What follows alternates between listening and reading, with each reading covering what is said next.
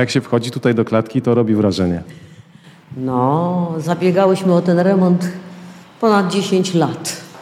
To był straszny stan.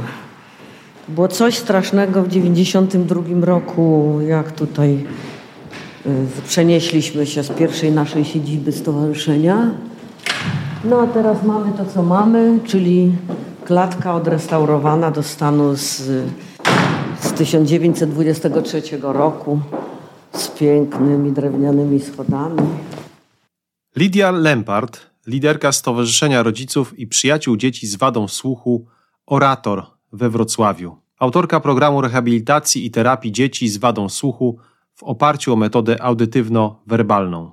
Terapia dotyczy usprawniania i uwrażliwiania funkcji słuchowych, ale najważniejszym naszym zadaniem jest nauczyć dzieci z głębokimi, z małymi, ze średnimi wadami słuchu czytać, pisać, słuchać i mówić.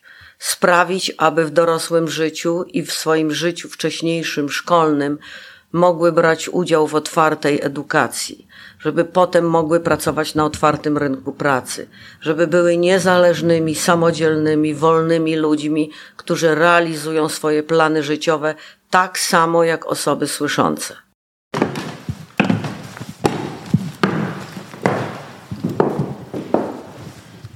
Ale liczba schodów się nie zmieniła. Nie, nie, to jest niby trzecie, ale tak naprawdę wysokie piąte piętro, bez windy.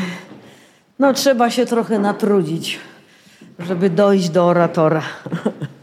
Jak to czasami rodzice opowiadali, że to jest taka symboliczna dla nich droga, że trzeba się bardzo spocić, żeby wreszcie dojść do tych pięknych, drewnianych, wielkich drzwi. I jak to mówili, z piekła się wchodzi do nieba. Dobrze, i maszerujemy. Wysoko kolanka. W różne strony maszerujemy. Rączki pracują energicznie. Maszerujemy. Dobrze. Rączki też pracują. Kolanka do brzuszka. Maszerujemy. Program, który tu realizujemy, obejmuje indywidualną terapię słuchu i mowy, zajęcia grupowe, to jest grupowy trening słuchowy, grupowe zajęcia pedagogiczne, zajęcia pedagogiczne w ramach tak zwanej małej szkoły, czyli w momencie, kiedy dziecko ma 6 lat i już widzimy, że jest jedną nogą w szkole masowej, ogólnodostępnej, to wtedy re realizujemy zajęcia, które przygotowują je do sytuacji szkolnych, jakie będą miały miejsce. Oprócz tego tutaj zawsze jest to wszystko obudowane szkoleniami dla nauczycieli, szkoleniami dla rodziców, początkujących, zaawansowanych. No i turnus raz do roku jest taką formą, która uzupełnia to wszystko. W turnusie biorą udział zarówno rodzice, jak i dzieci. Turnus trwa dwa tygodnie i jest tak naprawdę skierowany głównie do rodziców. Pracujemy tam bardzo intensywnie z dziećmi, ale celem turnusu jest dokonanie stałych, trwałych zmian w postawach, w osobowości, w emocjach rodziców. Jest, piłka skacze.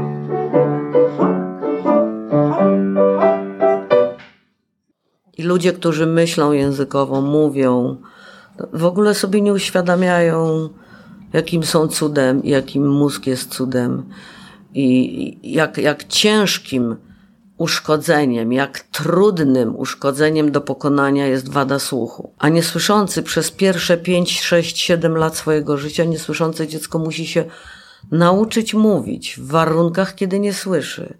To w zasadzie graniczy z cudem. Ja czasami jestem pytana, ale jak to możliwe? Jak to się dzieje? I ja bardzo często odpowiadam, nie wiem.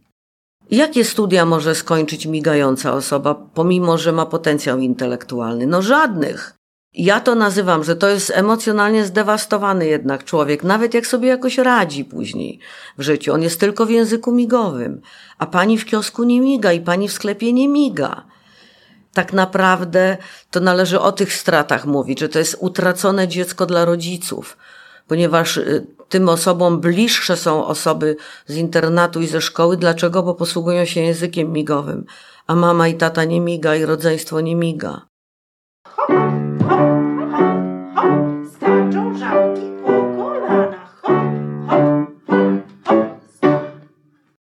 Ja jak zaczynałam tę pracę, odkryłam dosyć szybko, że możliwości mózgu ludzkiego są nieograniczone jeżeli dobierzemy dobrze techniki, e, środki pracy, będziemy wszystko wykonywać zgodnie z najnowszymi osiągnięciami neurologii, neuropsychologii, czyli orientując się na mózg, a nie na niepełnosprawność dziecka, to jesteśmy w stanie to zrobić, ale pod warunkiem, że zrobią to rodzice.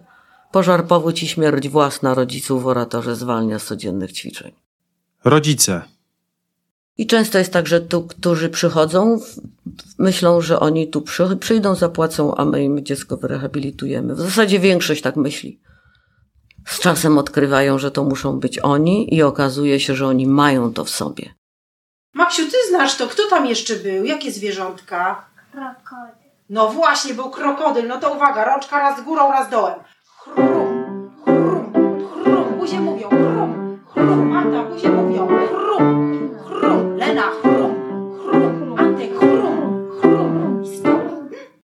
Ośrodek rehabilitacji i terapii rodzin dzieci z wadą słuchu, bo nie ma innej drogi. Wszystkie dzieci, które są niewiarygodnie dobrze wyrehabilitowane w Polsce, nie tylko te niesłyszące, z innymi niepełnosprawnościami też, to pamiętajcie, że to jest zawsze zasługa rodziców.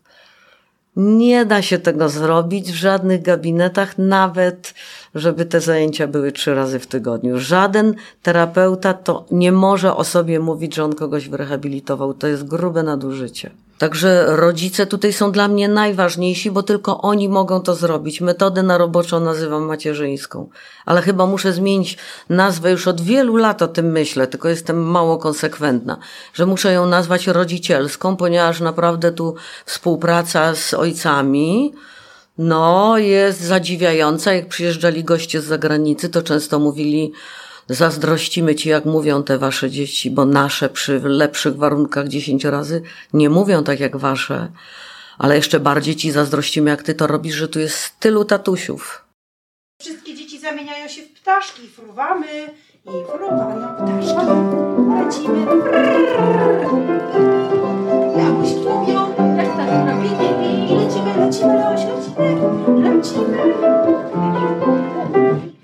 Jasne, że są sytuacje różne i są sytuacje dramatyczne i są tutaj takie sytuacje, że ojca oglądam pierwszy raz po dwóch latach terapii. To się zdarza.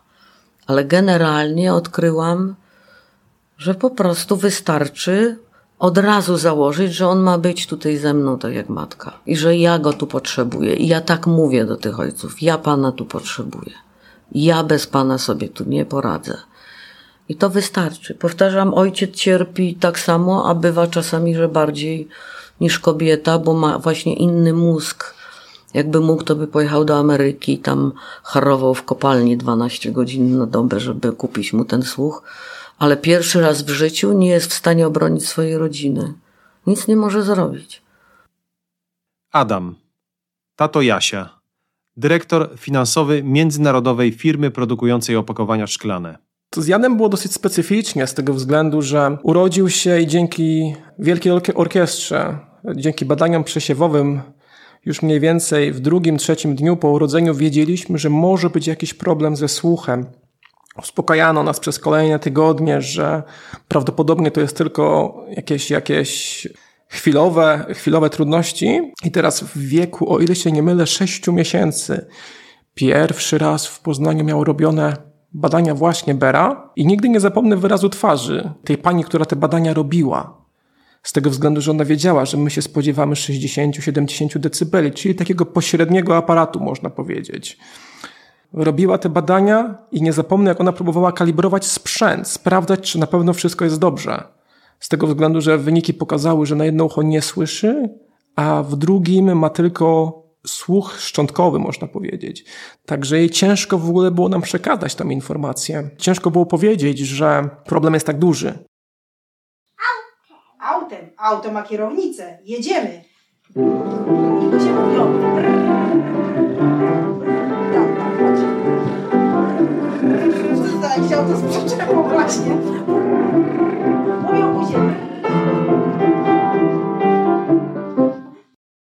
Rodzice są dla mnie najważniejsi. Ja nieustannie o tym myślę, że to mogłam być ja, albo to mógł być mój brat, albo różne takie bliskie osoby z rodziny. A dlaczego nie? Przecież to nie jest tak, że głuche i niewidome i dziecko z porażeniem to jest dla sąsiadki, tej z góry, tej z dołu, a ja to jestem co? To, to, to, to jest taka żelazna zasada, że trzeba ciągle myśleć, to mogłam być ja.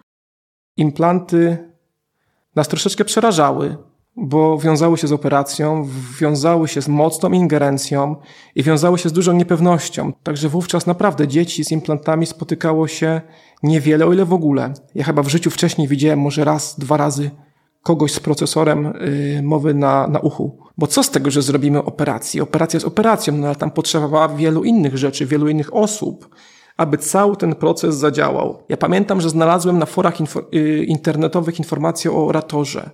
Pamiętam, że nawet nie, ja jeszcze nie kojarzyłem nazwy. Bardzo często pojawiał się Wrocław jako miasto, w którym wsparcie osób, dzieci z głębokim niedosłuchem, czy w ogóle z niedosłuchem stoi na najwyższym poziomie.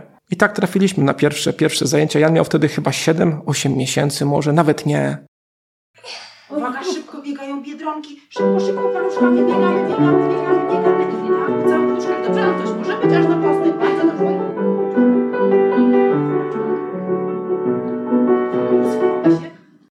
Pamiętam, że pierwsze, pierwsze spotkanie jeszcze było beze mnie, ja wtedy nie mogłem jechać.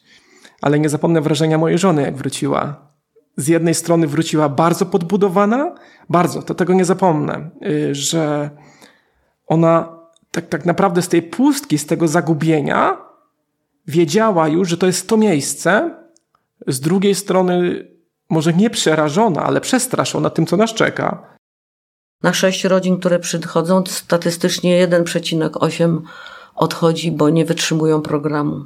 Program w oratorze, którego jestem autorem, jest trudny jak odchudzanie i jak małżeństwo. Wszyscy wiedzą, co trzeba zrobić, a wychodzi jak wychodzi. Systematyczność, konsekwencja, koncentracja, bezkompromisowość, to jest bardzo trudne. Jak oni tu przychodzą na pierwszą konsultację, to ja o tym wszystkim mówię. Ona trwa dwie godziny. Opowiadam, co będziemy robić przez najbliższe pięć lat. Wszyscy kiwają głowami, tak, że wszystko zrobią dla swojego dziecka. A potem się zaczynają schody.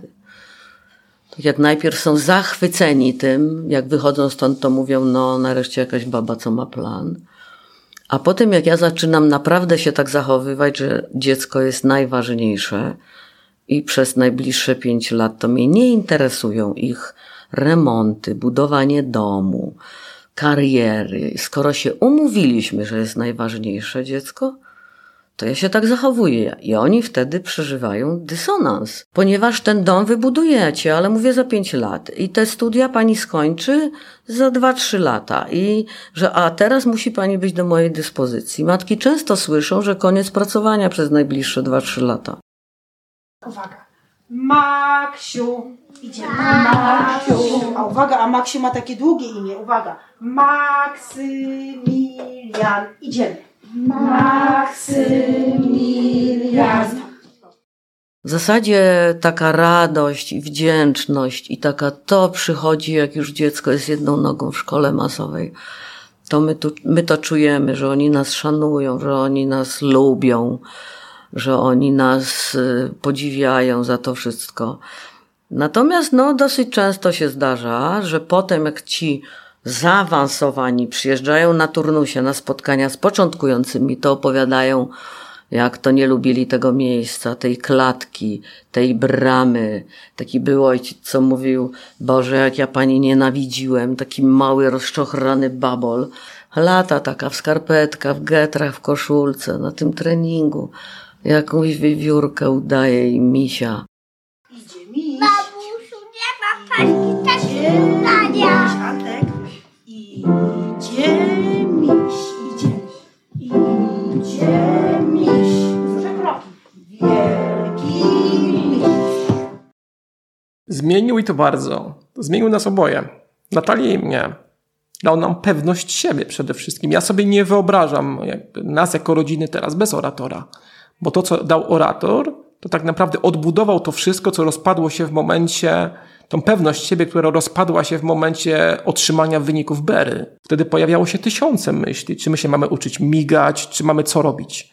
okazało się, że właśnie dzięki oratorowi, że nie, że jakby to w ogóle nie jest potrzebne, że są drogi ku temu, żeby to wszystko odbudować, ale to nas, to, to że jakby odbudował tą pewność siebie wokół rodziny to jedno, ale drugie to to, że pani Lidia i jej zespół udzielał wielu wskazówek, cennych wskazówek, jak funkcjonować w rodzinie, jakimi zasadami się kierować.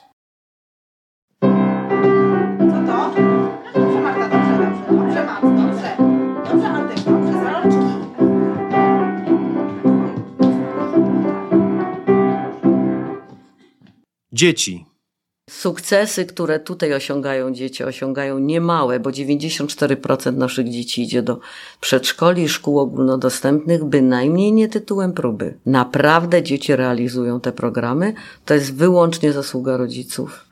W każdym dziecku jest 20% naszej pracy, 80% pracy rodziców, natomiast naszym atutem, nie wiem jak to nazwać, jest chyba to, że tak tych rodziców łapiemy, zastraszamy. Ja pokrzykuję, szantażuję, uwodzę.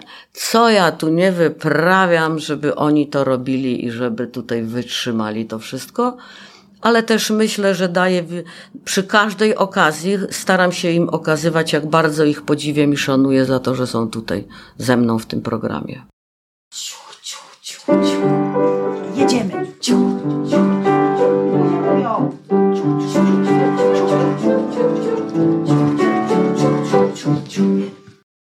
Tu są takie dzieci, które przy innym rodzicu i przy, przy innych rodzicach i przy innym programie leżałyby na materacach z pompersami i wyły w Lublińcu.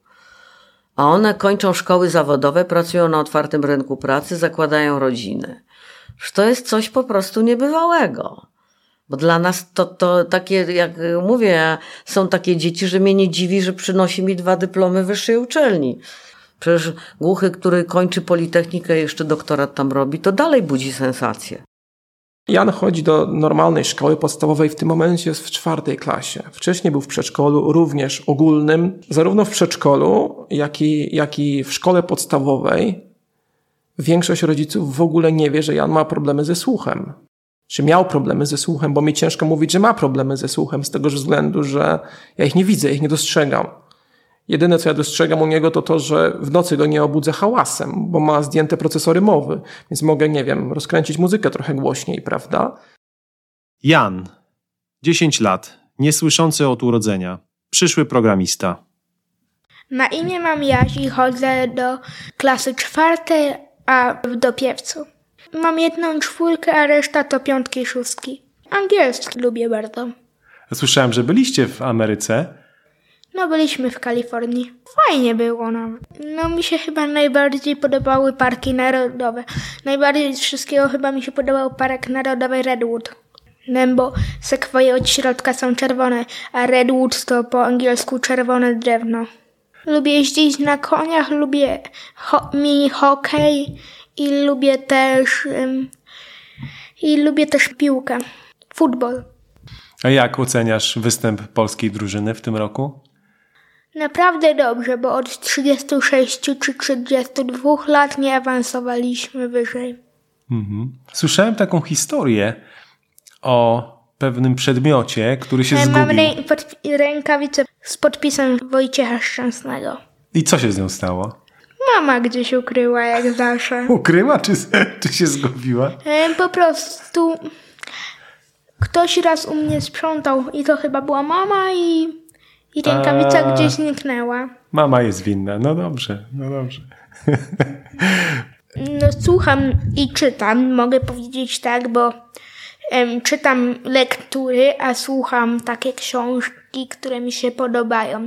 Hmm, czy rozumiem, słuchasz audiobooków? Tak. Tato powiedział, że aż musi ci wyłączać te audiobooki, bo według niego to jest za dużo. Czy to prawda? No trochę dużo słucham. Tradycją naszego podcastu, naszego kanału jest to, że każdy gość poleca książkę wartą przeczytania albo w tym przypadku do przesłuchania. Jakie tytuły ty byś polecił? Zwiadowcy, Władca Pierścieni i Samoner. Jeszcze ostatnie pytanie.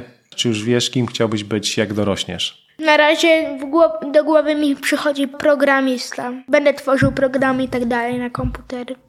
Bardzo dobre zajęcie teraz. Mhm. Bardzo Ci dziękuję. Ja też dziękuję. I wesołych świąt. Wesołych świąt.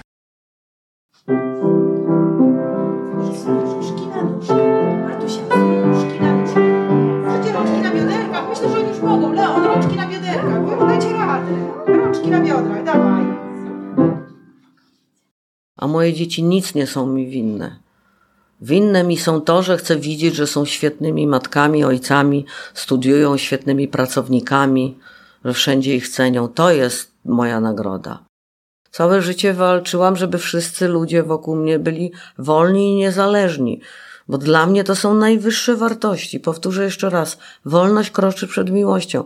Jak się kogoś kocha, to się robi wszystko, żeby był wolnym człowiekiem, nawet ode mnie. Według różnych szacunków ponad milion ludzi w Polsce ma problemy ze słuchem. To tak jakby połączyć Poznań i Wrocław. Dotyczy to również rolników i ich dzieci.